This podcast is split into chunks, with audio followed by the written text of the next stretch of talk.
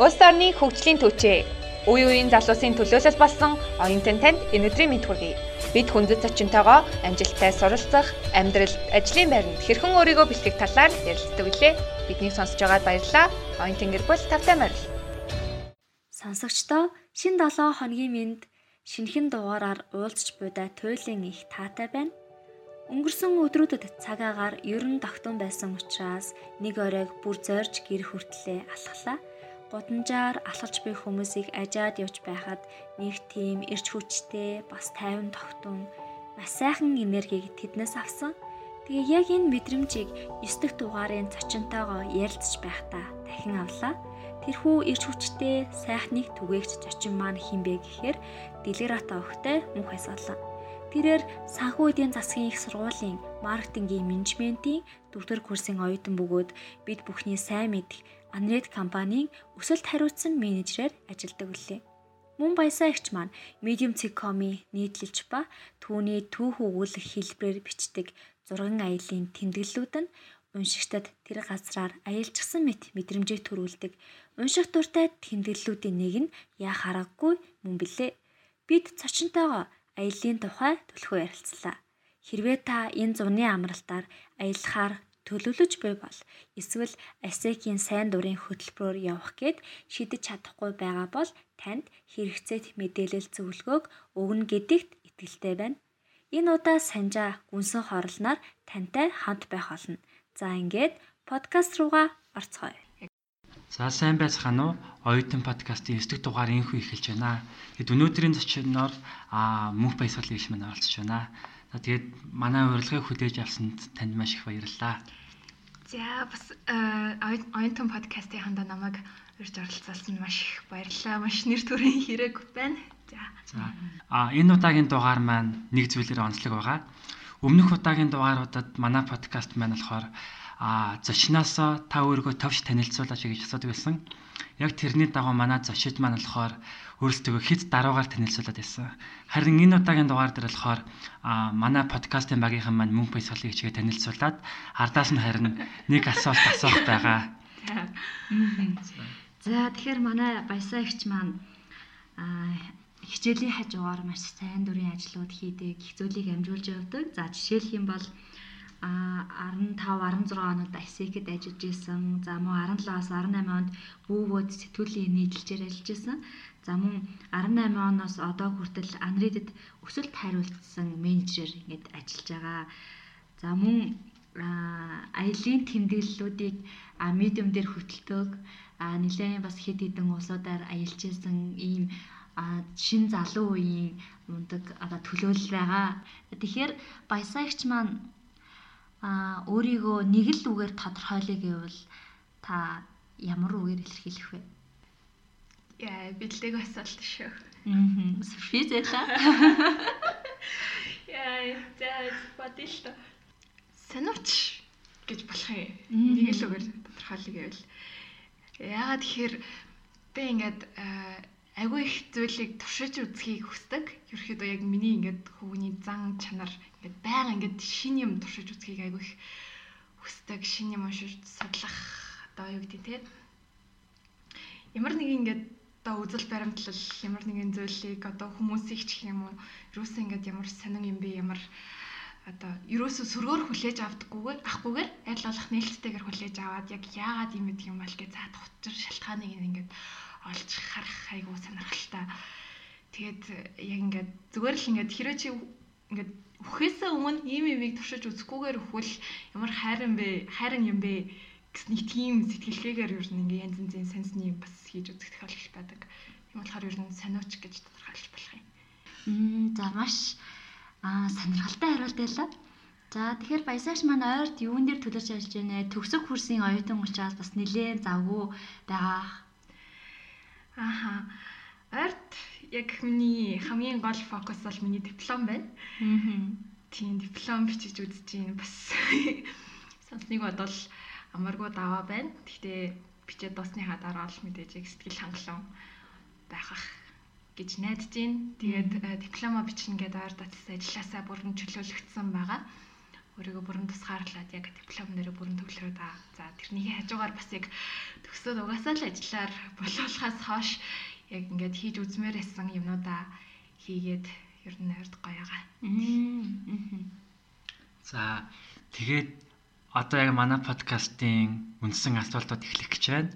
Мэдээж яг манай подкаст яг хамгийн үндсэн хамгийн ихэн асуудыг асуулт бол а таны хувьд амжилттай оюут ингэж хэнийг хэлэх вэ гэж асууж байгаа. За амжилттай оюутан. Ер нь яг амжилттай амжилт гэдгээ яаж тодорхойлохоос хамаарад ер нь хариулт нь янз янз болох юм тийм. Тэгээ миний хувьд болохоор амжилттай оюутан гэхээр аа би яг их сургуульд сурах 4 жилийн хугацааг яг тухайн хүнийг одоо төгсөөд үлдсэн амьдралынхаа турш яг юу хийх вэ гэдэгт нь яг бэлтгэж өгдөг яг чиглүүлж өгдөг тэр амжилт үе одоо эхлэлийн цэг гэж хардаг. Тэгэхээр ерөөхдөө яг аа их сургууль сурсан 4 жилийнхээ дараа яг төгснөөхөө дараа яг ингээд хаашаа явах вэ? Аль чиглэлд явах вэ? Ер нь үлцэн амьдралдаа юу хийх үү гэдгийг ингээд тодорхойлоод өөрийгөө таньчихсан тэгээд миний хувийн үнэт зүйл зарчим юм юм байна. Би ерөөхдөө иймэрхүү одоо зарчмын дагуу ийм үнэт зүйлтэй учраас би ийм юм хийх нь ер нь зөв юм байна гэдгийг ер нь олоод мэдчихсэн оюутан бол нэлийн ер нь амжилттай сураад өсөж гинэ гэж дүгнэж болно гэж би боддог. Тийм мэдээж өөрийгөө танина гэдэг маань цааш цаашаа ухаад үзэх юм бол маш өргөн утга агуулгатай зүйл байгаа ч тийм маш олон хүнтэй танилцах хэрэгтэй. Маш олон зүйл хийж үзэх хэрэгтэй. Тэгжээж яг өөрийнхөө юунд дуртай вэ? Юуг юунд дургүй вэ? Одоо үнэт зүйл нь юу вэ? Юу нь одоо ямар зарчмаар илүү ажиллавал илүү үр дүнтэй вэ гэдэг ч юм уу тиймэрхүү зүйлсээ таних мэддэг гэж боддог. Тэгэхээр ерөөхдөө яг амжилттай оюутан гээд товчлоод хэлэх юм бол яг төгсөөд өөрийгөө төгсөхдөө өөрийгөө таниад мэдчихсэн. Яг юунд дуртай вэ? Би ямар онцлогтой вэ гэдгийг мэдсэн оюутныг л амжилттай оюутан гэх байх та. За за таны аялын тэмдэглэлүүдийг уншаад аа би маш их одоо их аялмаар санагдсан. Тэгээ ялангуяа та нөгөө Вен улс улсаараа аялж исэн тэмдэглэл дээрээ би ингээд анх удаа ганцаараа ингээд аялж байна. Маш их сонирхолтой санагцсан гэж бичсэн байсан. Тэгэхээр тэр улсаар одоо ганцаараа аялж исэн аа тийм дурсамжаасаа бид нартай хаваалцвал яг анх удаа ганцаараа аялахад танд яг ямар мэдрэмж төрж исэн бэ? За миний тэмдэглэл дээр э, байсан нь л яг Австрийн Вен хотын талаар байсан. Тэгээд би яг 2 дугаар курсийнхээ 100 ISEC гэдэг олон улсын залуучуудын байгууллагын хэрэгжүүлдэг сайн дурын хөтөлбөрийн дагуу Польш улсад сайн дурын ажил хийсэн байгаа. Тэгээд тэрнийхээ хажуугаар яг Европын 9 улсаар аялах тийм тушаан тохиосон. Аа тэгээд Вен Австрийн нийслэл Вен болохоор яг миний ганцаараа аялсан аялал хамгийн ихний хот байсан л та. Тэгээд тэрнээс өмнө би Швейцарт нэг таньдаг хүнийтэй байж агаад ерөөхдөө хамт аяллаад ингээд явж агаад дараа нь яг Венд Фин руу галт тэргээ ганцаараа очиад яг ганцаараа аялах ямар байдаг вэ гэдгийг анх удаа мэдчихсэн. Мэдэрчээсэн. Тэгээд аа яг зөөрлүүлж хэлэх юм бол яг нэг ой дунд ганцаараа явж байгаа юм шиг зүгчийг олохгүй. Тэгэл Google Map тасралтгүй ширтээстэй. Тэгэл арай яг хаашаа явах уу, юу хийх хэрэгтэй гэдгийг тасралтгүй амар сайн судлах хэрэгтэй. Тэгээ маш хариуцлагатай байх хэрэгтэй. Тэгээд яг яг ганцаараа аялахын хамгийн гой зүйл ингээд гэх юм бол яг өөр хүнээс ерөөсөө хамааралгүйгээр яг хүссэн юм зүйлээ хийж болно. Тэгээд дээрэс нь яг хамгийн таалагдсан зүйл нь юу гэхээр нэг тухайн хотынхоо эргэн тойрны одоо уур амьсгал юм уу хүмүүсийн хоорондын харилцаа бүх зүйлийг ингээ мэдрэх бүрэн мэдрэх боломжтой байдаг. Хэрвээ хиний хүнтэй ингээд хамт явж исэн бол нөгөө хүндээ анхаарал татараад ч юм уу хүссэн зүйлээ хийж чадахгүй ч юм уу харилцан хамтын шийдвэр гарах ёстой болчдаг учраас тэр нэг тиймэрхүү байдаг. Тэгээд яг ингээд Венес цаашаа би яваад Праг орсон. Тэгээд Берлин Амстердам гэдэг хотуудаар дамжаад явж хахад ерөөхдөө ингээд дөнгөж одоо галт тэрэгний буудлаас ч юм уу онгоцны буудлаас ч юм уу дөнгөж гараал ингээд нэг алхам алхахад л ерөөхдөө тухайн хотын ингээд уур амьсгал ингээ өмнөхөөсөө ямар ялгаатай вэ гэдгийг шууд мэдрэгдээд эхэлдэг байхгүй. Тэр мэдрэмж яг хамгийн гоё байсан. Яг хот болгоно өөрийн яг би юу гэж тайлбарлахаа мэдэхгүй л байна л. Гэтэ яг өөрийн өөр өөрийн гэсэн нэг тийм онцлог уур амьсгалтай, өнгө төрхтэй нэг л тийм ингээд хот толгоноос тийм ялгаа мэдрэгдэж болдог. Ялгаа мэдрэгддэг. Тэр нь айгуу гоёсэн. Тэгээ мэдээж яг аа тэр үед чинь 19 настайс 19 настай ганцаараа ингээд аялж ин гэр яг Европ бол харьцангуй аюулгүй аялахад аюулгүй байдаг л да. Гэхдээ ерөөдөө яг уу ганцаараа аялж байгаа мó жуулч юм уу хамт юм ярьж суух уу гэдэг ч юм уу тиймэрхүү.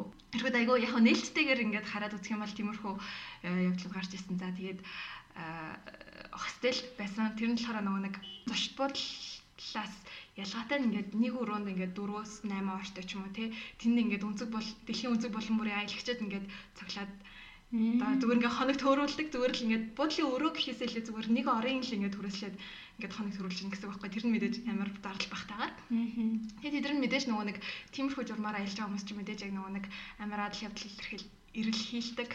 Одоо залуу хүмүүс хөвчлэн байдаг. Тийм учраас бас маш сонирхолтой хүмүүстэй явцын дан танилцсан. Тэгээд хамтдаа өсвөл тэр хүмүүстэй найзаагаа болоод тэр хүмүүстэй хамтдаа аялдаг ч юм эсвэл ганцаараа явдаг ч юм тэр бол айгүй нээлттэй тэр тэр боломжноос айгүй гоёсэн. Аа. Их сонирхолтой юм аа. Та тэгээд аяллаас сурч авсан ялангуяа ганцаараа аяллаас сурч авсан хамгийн гол зүйл чинь юу? Юу вэ? Магадгүй эсвэл ямар нэгэн хамгийн дурсамжаа үлдсэн түүхийж ярих юм уу тухайн аяллаас. Аа За сургамжтай зүйл ер нь дараа нь ингэх ёстой байна гэж ойлгож авсан зүйл нь болохоор дараа нь харамсахгүй тулд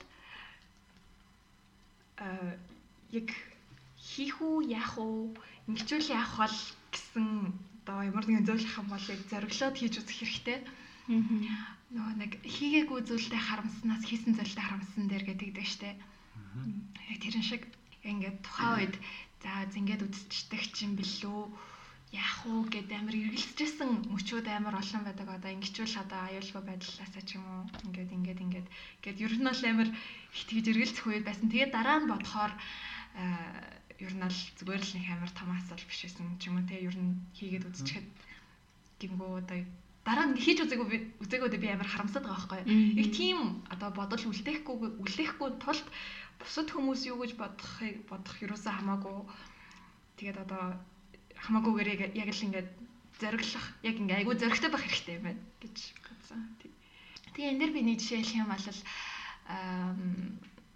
яг нь надад яг зориг гаргаж чадаагүй олон зүйлс байгаа гэсний бас зориг гаргасан нэг юм байгаа. Тэр нь юу гэхээр би Нидерланд улсын нийслэл Амстердам дахта нөгөө couch surfing гэдэг аппликейшн ашиглаад нэг аль хамжаас авахгүй юу Яа тэгэхээр ер нь Амстердам ингээд юмны үн бүр амар үнэтэй байдаг болохоор би яаж зарлаа багсаж болохыг гэж удаад couchsurfing туршиж үзье гэж бодсон.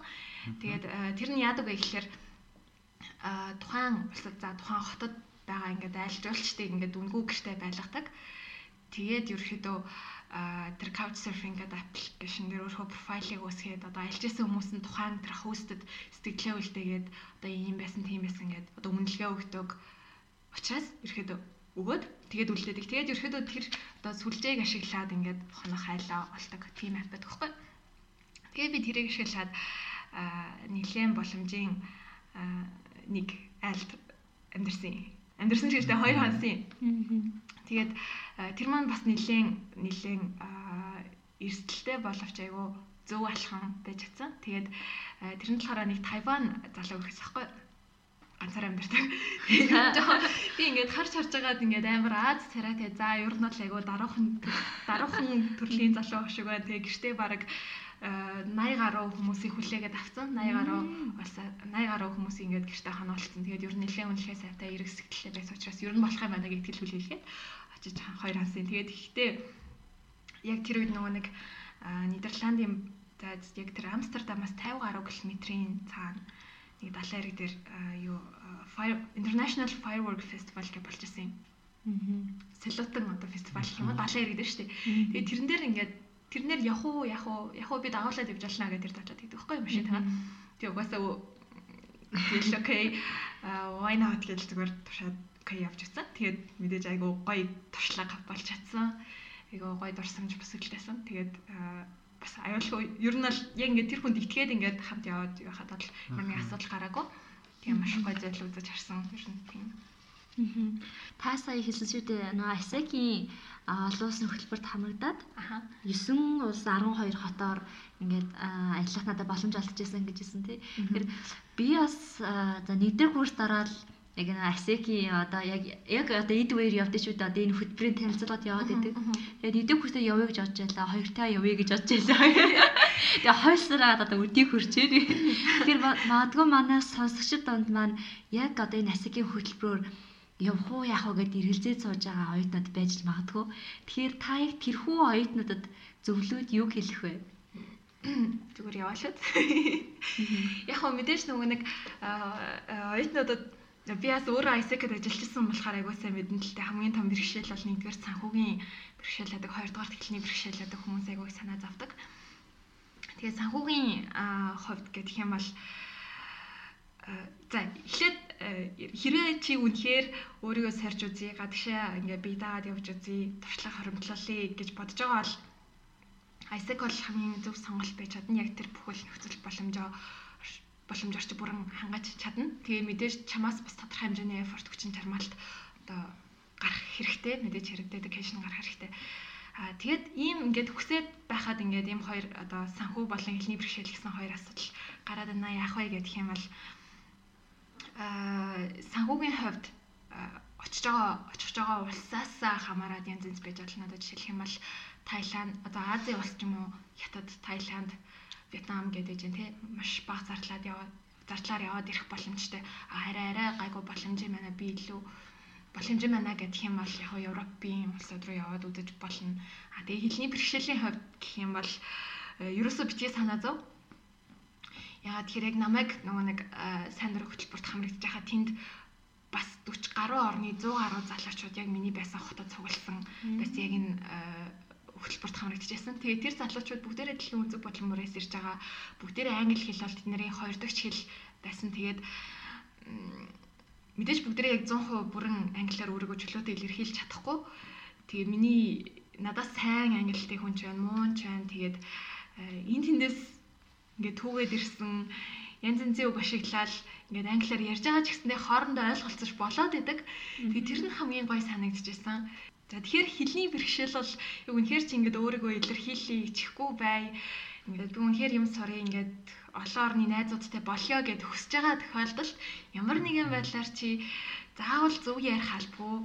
Ингээд ойр зүрийн мэддэг үг ашиглаад бүр болохгүй бол утаснасаа дикшнэрийг гаргаж ирээд ярьдаг ч юм уу тийм байдлаар бол ямар нэгэн байдлаар ойлголцож болно чадна. Тэрэн дээр бол бүр үнэхээр муу байсан ч гэсэндээ ерөөсөө асуудал гэж хардлаггүйгээр ер нь аплайдад үзэх хэрэгтэй.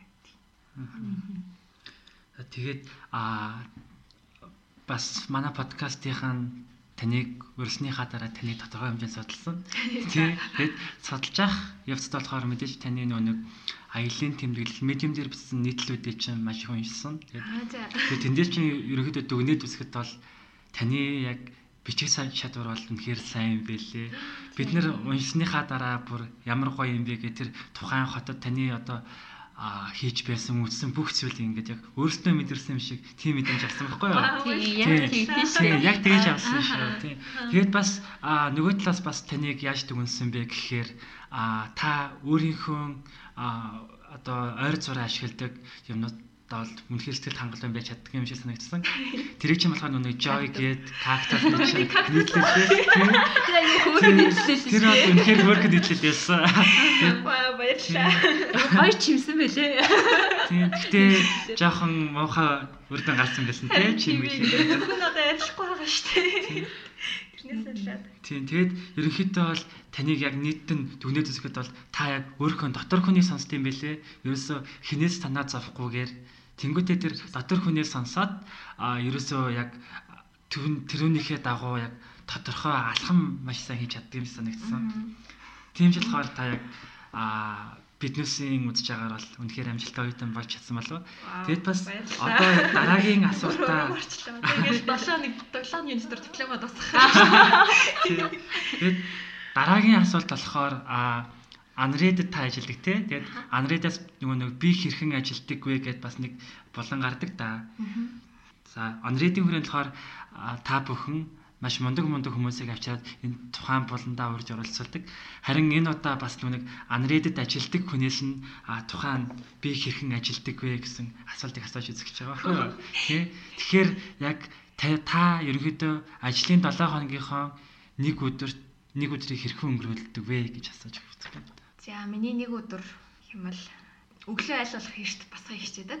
Нэмэрсэн гэрээсээ гараад сургууль дээрээ ч юм уу ажил дээрээ ч юм уу ирээд хамгийн түрүүнд тэмдэглэлийн дэвтрээ нэгээд чеклист гаргадаг. Яг тухайн өдөр юу юу хийх хэрэгтэй вэ гэд чеклист гаргаад Аа тэгээ дараа нь ямар ч хэсэн за өнөөдөр хийж амжихгүй ч гэсний дараа нь арай нэг хийх ёстой юм байна да гэсэн нэг бас тусдаа нэг төлөвлөгдөөгүй бас нэг чеклисттэй тэрэн дээрээ сансан юмнуудаа ерөөхдөө ямарсан болгочаад тэгээд тэгэл ажилдаа орондоо тийм өглөөний тэр чеклист бол амар чухал үүрэг гүйцэтгэдэг. Тэгэхгүй бол ер нь жоохон дими өнгөрчих гээд байдаг миний өдрүүд тийм. Тэгэл яг бид нар чинь нөгөө нэг янз янзын маш олон ивентүүд хийдэг. Тэгэхээр яг чухал ивенттэй үед бол маш олон газар руу уцаар ярих хэрэгтэй, төлөвлөгөө гаргах хэрэгтэй, хүмүүстэй харилцах хэрэгтэй. Аа ивент багтаа үед бол бас өөр яг манрыди өөрсдийнхөө төслүүд юу вэ те тэдэм дээр ажилладаг.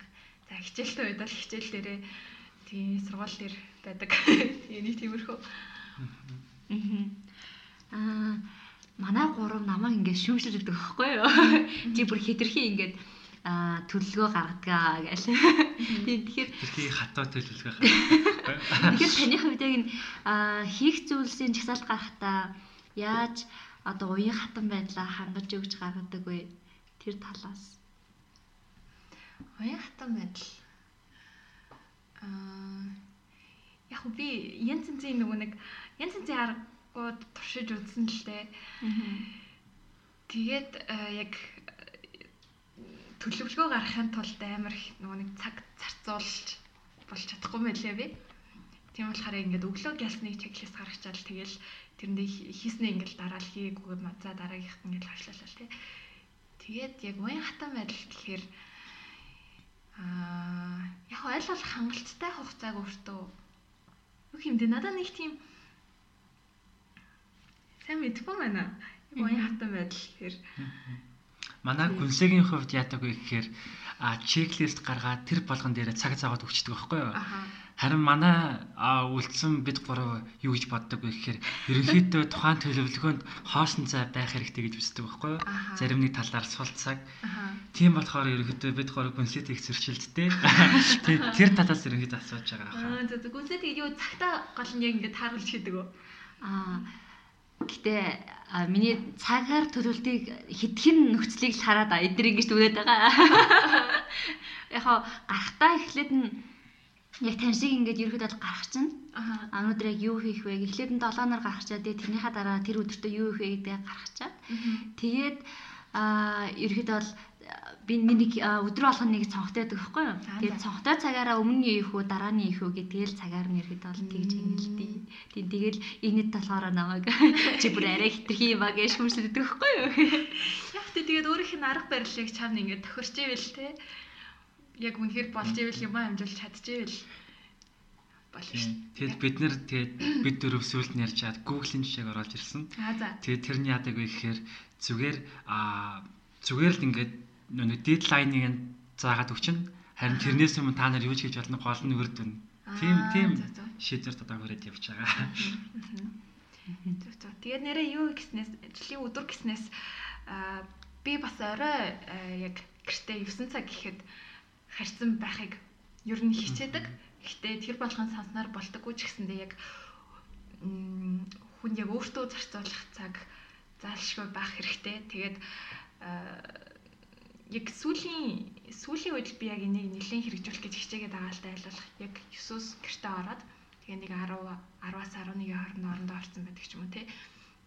Тэгээд яг хангалттай нойр аваад хангалттай амралт аваад тэгээд яг өөртөө тодорхой хэмжээний цаг зарцуулахгүй бол яг нөгөө нэг ажилдаа хичээлдээ ингээд төртөөд бүр ингээд сүултээ нэг мэдхэд л хаяад гэдэг шүү дээ. Нэг мэдхэд л 7 хоног өнгөрцөн. Нэг мэдхэд л бүтэц сар өнгөрцөн. Юу вэ гэл. Тэгэл эргээд харахад яг би юу юу хийсэн бэ гэл тэгэхэд яг нэг яг хүнийхээ хөгжлийн хувьд ч гэсний тодорхой хэрэгцтэй юм байхгүй. Ингээл өдөр тутмынхаа ажил ингээд түүртээд ингээд класс ажлын оронд хичээлээс хичээлийн оронд ч юм уу ингээд Тэсээр агаал өнгөрцөн байдаг. Тийм болохоор ялцчгүй өөртөө цаг гаргаад ямар нэгэн байдлаар одоо нэг ном уншид тухайн сардаа нэг ном уншаад дуусгасан байхад л амар том амжилт баггүй. Тийм болохоор тхийг бас нэлээд хичээж байгаа. Тийм. Тэгээд надад бас ойртой ингэ санаад байгаа. Хүн нөө хитрхи өөртөө цаг гарахгүй болоод хитрхи ингээд ажил хичээл гэдэг илүү бусад зүйл анхаараа дотор хүнээ анхаарахгүй болоод ирэхээр илүү их стресстэй нэг аюу ихсээд ирдэг болов гэж бодлоо. Харин тийм тийш та яг үнэ. Аа өөртөө зашгүй цаг гаргах хэрэгтэй. Туртай ямаар хийх хэрэгтэй. Эзэн эцэд яг бид нар чинь одоо бис нөгөө амжилттай байт ингээд хэлсэн шүү дээ өөрийгөө олсон юу юу хийх хэрэгтэй вэ гэж чиглэлээ олсон байт ингээд чи яг л нөгөө нэг өөрийнхөө бас туртай юм хийхээ туртай юм аа гэж ингээд тодорхойлсон маа гэсэн үг шүү дээ. Тэгэхээр тэгэхэд яг миний миний одоо миний хувьд гэдэг юм бол яг миний хийх туртай зүйлс өөртөө гаргаж байгаа цаг гэр бүлтэй гаргаж байгаа цаг дараа нь намайг ингээд илүү их ажил хийхэд одоо тодорхой хэмжээгээр цэнэглэж өгдөг гэх юм уу? Цэнэглэж нь болж өгдөг. Тийм учраас тийм дуртай амьд цаг гарч авах хэрэг гаргаж авах хэрэгтэй. Аа манай подкастын багийнхны хувьд ч гэсэндээ бид нэр эр тарих тал дээр аягүй асуудалтай байдаг. Тэгээд сургууль дээр орой сууд сууж байгаа 9 цагт номын сан анхаар бүүнөрөө бууж ирээд яг сургуулийн хувцсны үлгүүр дээр таарцгаад хүмүүс ихгүй юу. Тий. Тэгээд магадгүй яг түүнээсээ болоод нэг гэрийнхэнтэйгээ ерөөсөө таарахталдах цаг ерөөсөө байгаа байдаг. Тийм болохоор зарим үед болохоор зүгээр л хичээл хичээл мичээл дээрх бүх зүйлсээ хаяад өглөө өглөөг нь орой нэг 5 6-гийн үед гэрлүүгээ алхах зам бол заримдаа бол тий яг үнэ ихэр шаргалтай байдаг. Тий яг үнэ би гүрмэдэж амар сайлгч. Тий. Тэгэд а яг тэр ганцаараа алхаж байх мөчөд болохоор яг хүн яг өөртөө хамгийн хэрдэм бэлээ. Сургууль дээр бол найз нөхөд аа тэгээд хичээл багш нар гээд ерөнхийдөө яг өөрөө өөрийгөө өөрөө өөртөө гарах цаг байдгүй.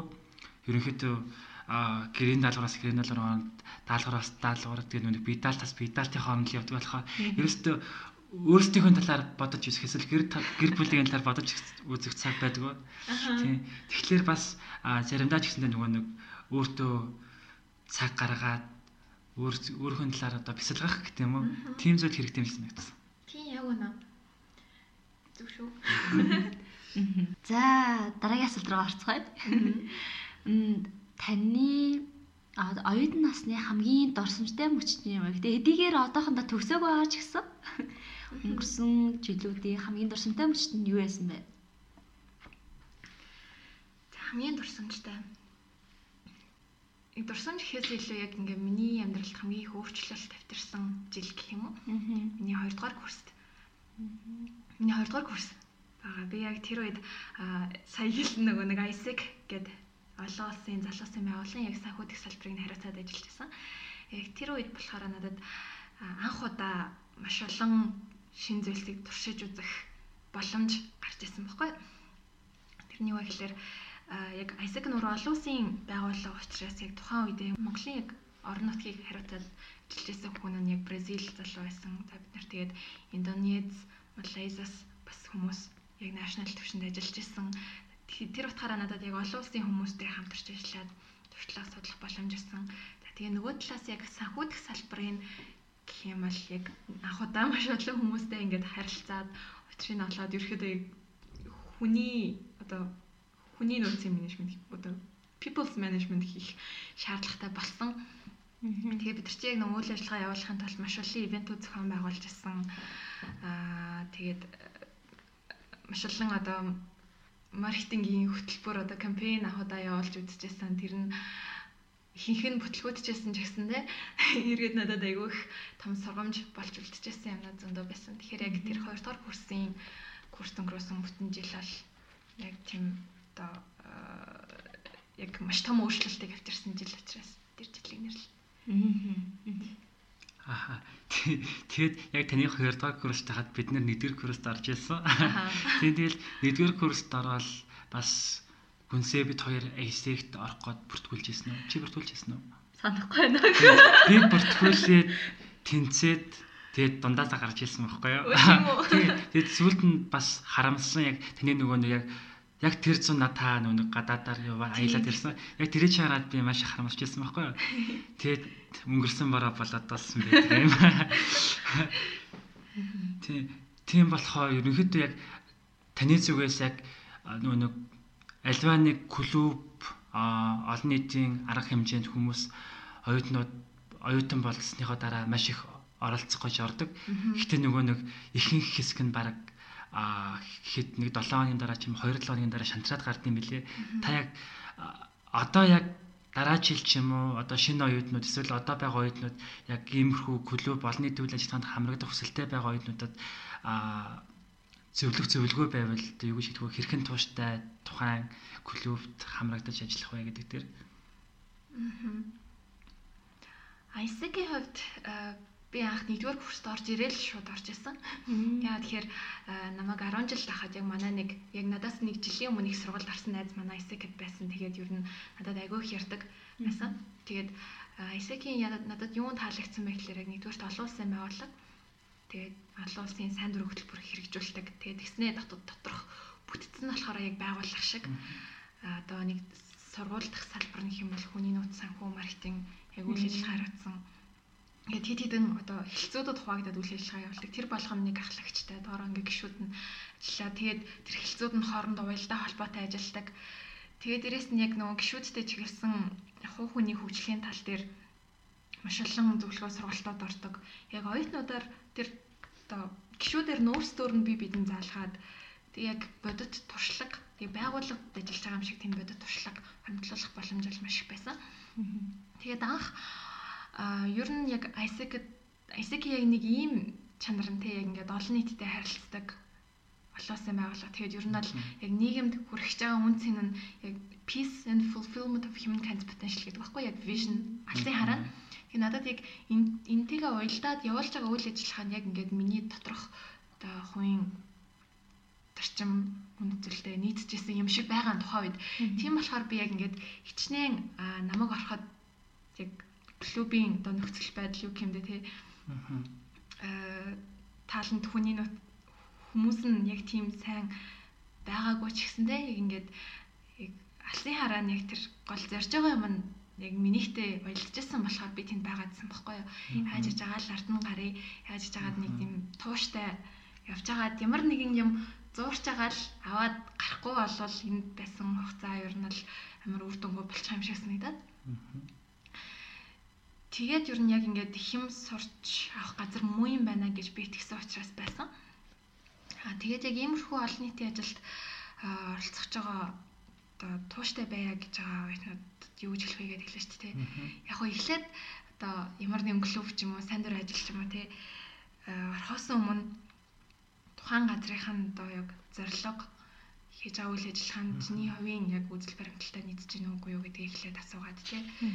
Тэгээд яг үнэхээр энийг хийснээрээ ямар ач холбогдолтой би энд байснараа ингээд цаг хугацаа гэдэг чинь амар үнэтэй шүү дээ. Хүнд байгаа хамгийн чухал ингээд бүр ингээд хүн болгоноос харамлдаг зүйл чинь цаг хугацаа шүү дээ. Тэгээд би энд ингээ өөрийнхөө цаг хугацааг зориулаад байхад надад яг ямар ач холбогдолтой эргээд би ингээд цагаа зарцуулснараа нийгэмдээ ямар хувь нэмэр оруулах чадхаар байна. Миний оролцоонд үнэхээр чухал уугүй юу? Би үнэхээр ач холбогдолтой юм хийж чадах уугүй юу гэж асуугаад тэгээ хэрвээ хариулт нь үнэхээр тийм ээ болохоор байна чадхаар байна ингээд энэ үнэхээр миний цаг хугацааг одоо worth гэж ярьдэн шүү дээ. Үнэхээр болох юм байна гэж гэж үзсэн тохиолдолд яаж хийж байгаа л юу юм бэ? Яг үнэхээр тийм байна гэдээ олоод харсан тохиолдолд үнэхээр ингээд сэтгэл зүрхнээс чи ингээд угаасаа л цаанаасаа л ингээд баймаар ингээд ажлын хиймээр очиод ингээд идэвхтэй баймаар тийм сэтэл төрдөг юм болоо гэж би боддог.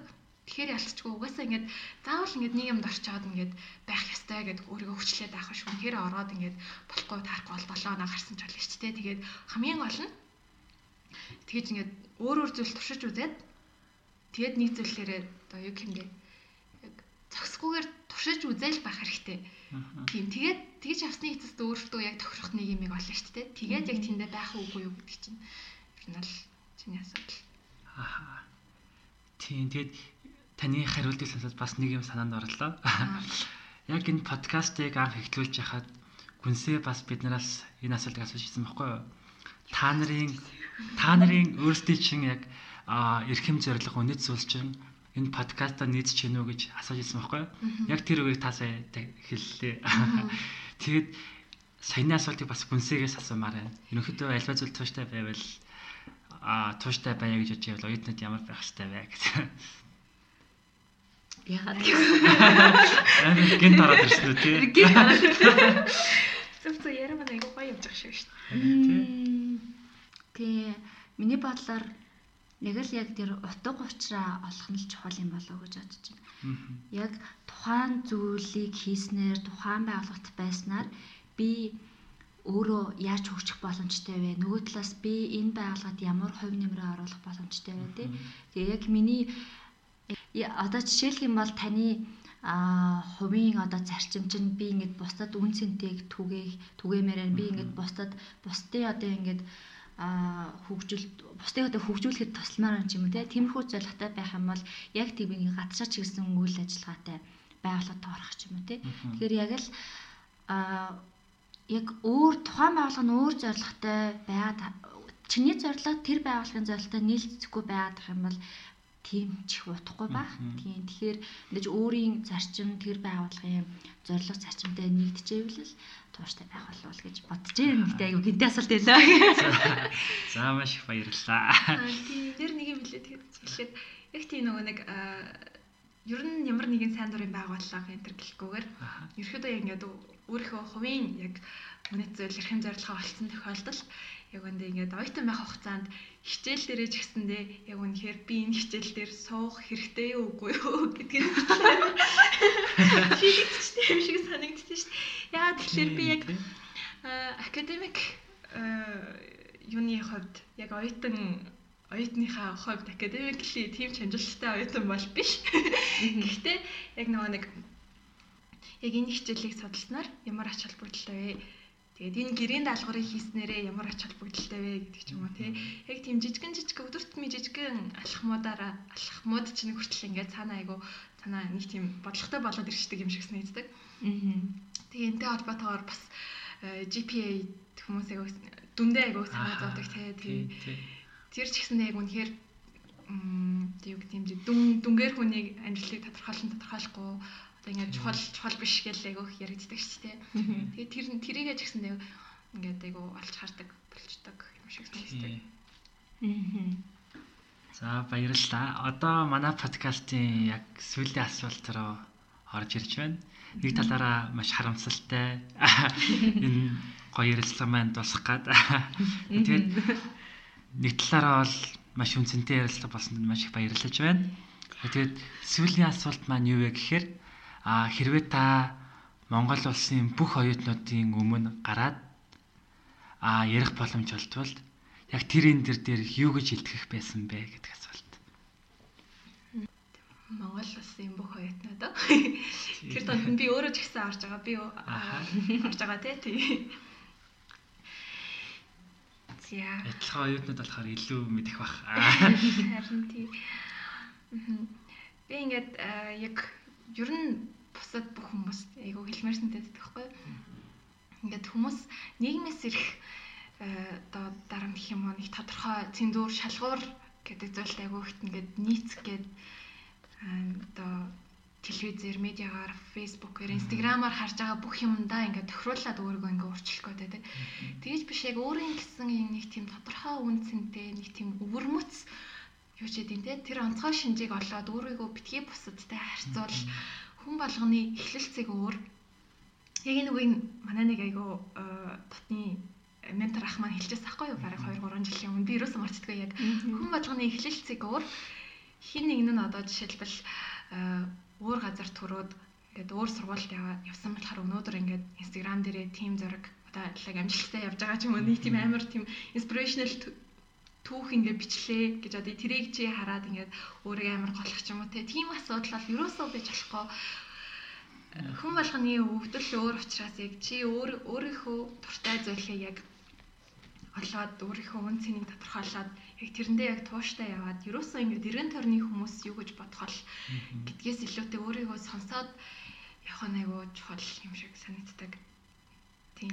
Өөрийгөө бусдтай битгий харьцуулаарай л гэж хэлмээр хэлэх гээд байгаа. Ер нь бол гоо санаа хураангууд л юм байна. Тийм. Тэгэд яг а таны үгийг санаад бас нэг хүний хэлсэн үг биш ээ. Зүгээр би а сургуулийнхаа нэг бандын а постыг нь уншиж байгаа. Тэндээс нэг үг комментаас нь олж авсан байхгүй юу. Тэгээ тэр үгийг сонсчоод би бүр яг тухайн үед нөгөө жинхэнэ тархин дотор маш их дэлбэрэлтүүлсэн гэж хэлж байна. Тийм өндөр ашиг хэлдэг үг. Аа сайн үг үг бол. Тэгэд а яг тухайн бандын нэрийг нь бол хэлээд хэрэггүй байх л та. Намайг ч угаасаа сайн танихгүй байна. Зөв надад маш их таалагдсан. А тэр нь юу гэж хэлсэн бэ гэхээр а чи а өөрийгөө дүгнэгтэй болохоор бусад хүмүүстэй нэг шугам дээр явж байгаа мэтээр дүрслээд байна яг нэг бүх хүмүүс ингээд нэг замаар явж байгаа юм шиг дүрслээд байна. Яг нэг хэмжээст байдлаар. Гэхдээ амьдралд яг тийм байдгүй. А хүн болгон өөр өөр өөр өөрийн гэс нэг зам замаар явдаг. Дали мөрий гэл өөр өөрийн замаар явдаг яг гурван хэмжээст ертөнцид амьдардаг шүү дээ хүмүүс. Тийм болохоор чи өөрийгөө бусадтай харьцуулах биш а бусад бусдын хийсэн бие даалтай өөрийн бие даалтыг харьцуулахтай гол нь биш. Чи гол нь өөр өөртөө сэтгэл хангалуун байх нь хамгийн чухал гэсэн зүйлийг уншаад би бүр яг тухайн үед нөгөө нэг нэг тарих нэг ингээд жоохон бөгдөрсөн байсан бол тэр бөглөөсөө гаргаж чадсан үг болчихсон байхгүй юу? Яг таны хэлсэн түрүүнтэй маш их адилхан санагдлаа. Тийм ямар гоё хэлсэн яг л өөр өөртөө л сэтгэл хангалуун хэрэгтэй Тэгээд тэрнээс хойш ерөнхийдөө бол би бас бусадтай нэг хөргөө харьцуулахын ч дагсан. За за энэ хүн чи угаасаа л ийм хүн тэгээд бас нөгөө хүмүүсээ хүлээн зөвшөөрөөд эхлэхээр хүний стресс нь бас багасдаг юм билээ. Тийм байх баха. Энэ тухай өмнөртөө ор дээр батнасаах маань бас яг дурдсан л та. Хүмүүс яг өөрийгөө өөр хүнтэй харьцуулаад ирэхээр стресстэй эхлээд байдаг. Тэгээд яг кактуснаас кактус чи сарнай болж чадахгүй. Тэгээ яг өөрийнхөө байгаа зүйлийг хүлээж зөвшөөр гэж тэгж хэлжсэн. Тэгээд харьцуулгын хувьд болохоор өөрийнхөө өнгөрсөнтэйгоо би өнгөрснөөсөө хэр сайжирсан гэж харьцуулах нь чамд илүү их одоо ашигтай юм ашигтай гэж одоо чамд илүү их сэтгэл өгөх юм аа тэр талаас нь гэж тайлбарлаж ирсэн. Санаа дарлаа. За ингээд подкаст маань дуусч маш гайхалтай яриа өрнөөсөн баясаа ихчтэй маш их баярлалаа. Би би бас айгу юм гоё ярилцлага өрнүүлсэндээ маш их баяртай байна. Ойрд ингэж хүнтэй ингээд дипер чи яриагүй урсан байна тийм э ярилцлагаас ярилцлагаас маань нэг сонсогчд тодорхой хэмжээний бас хэрэгтэй.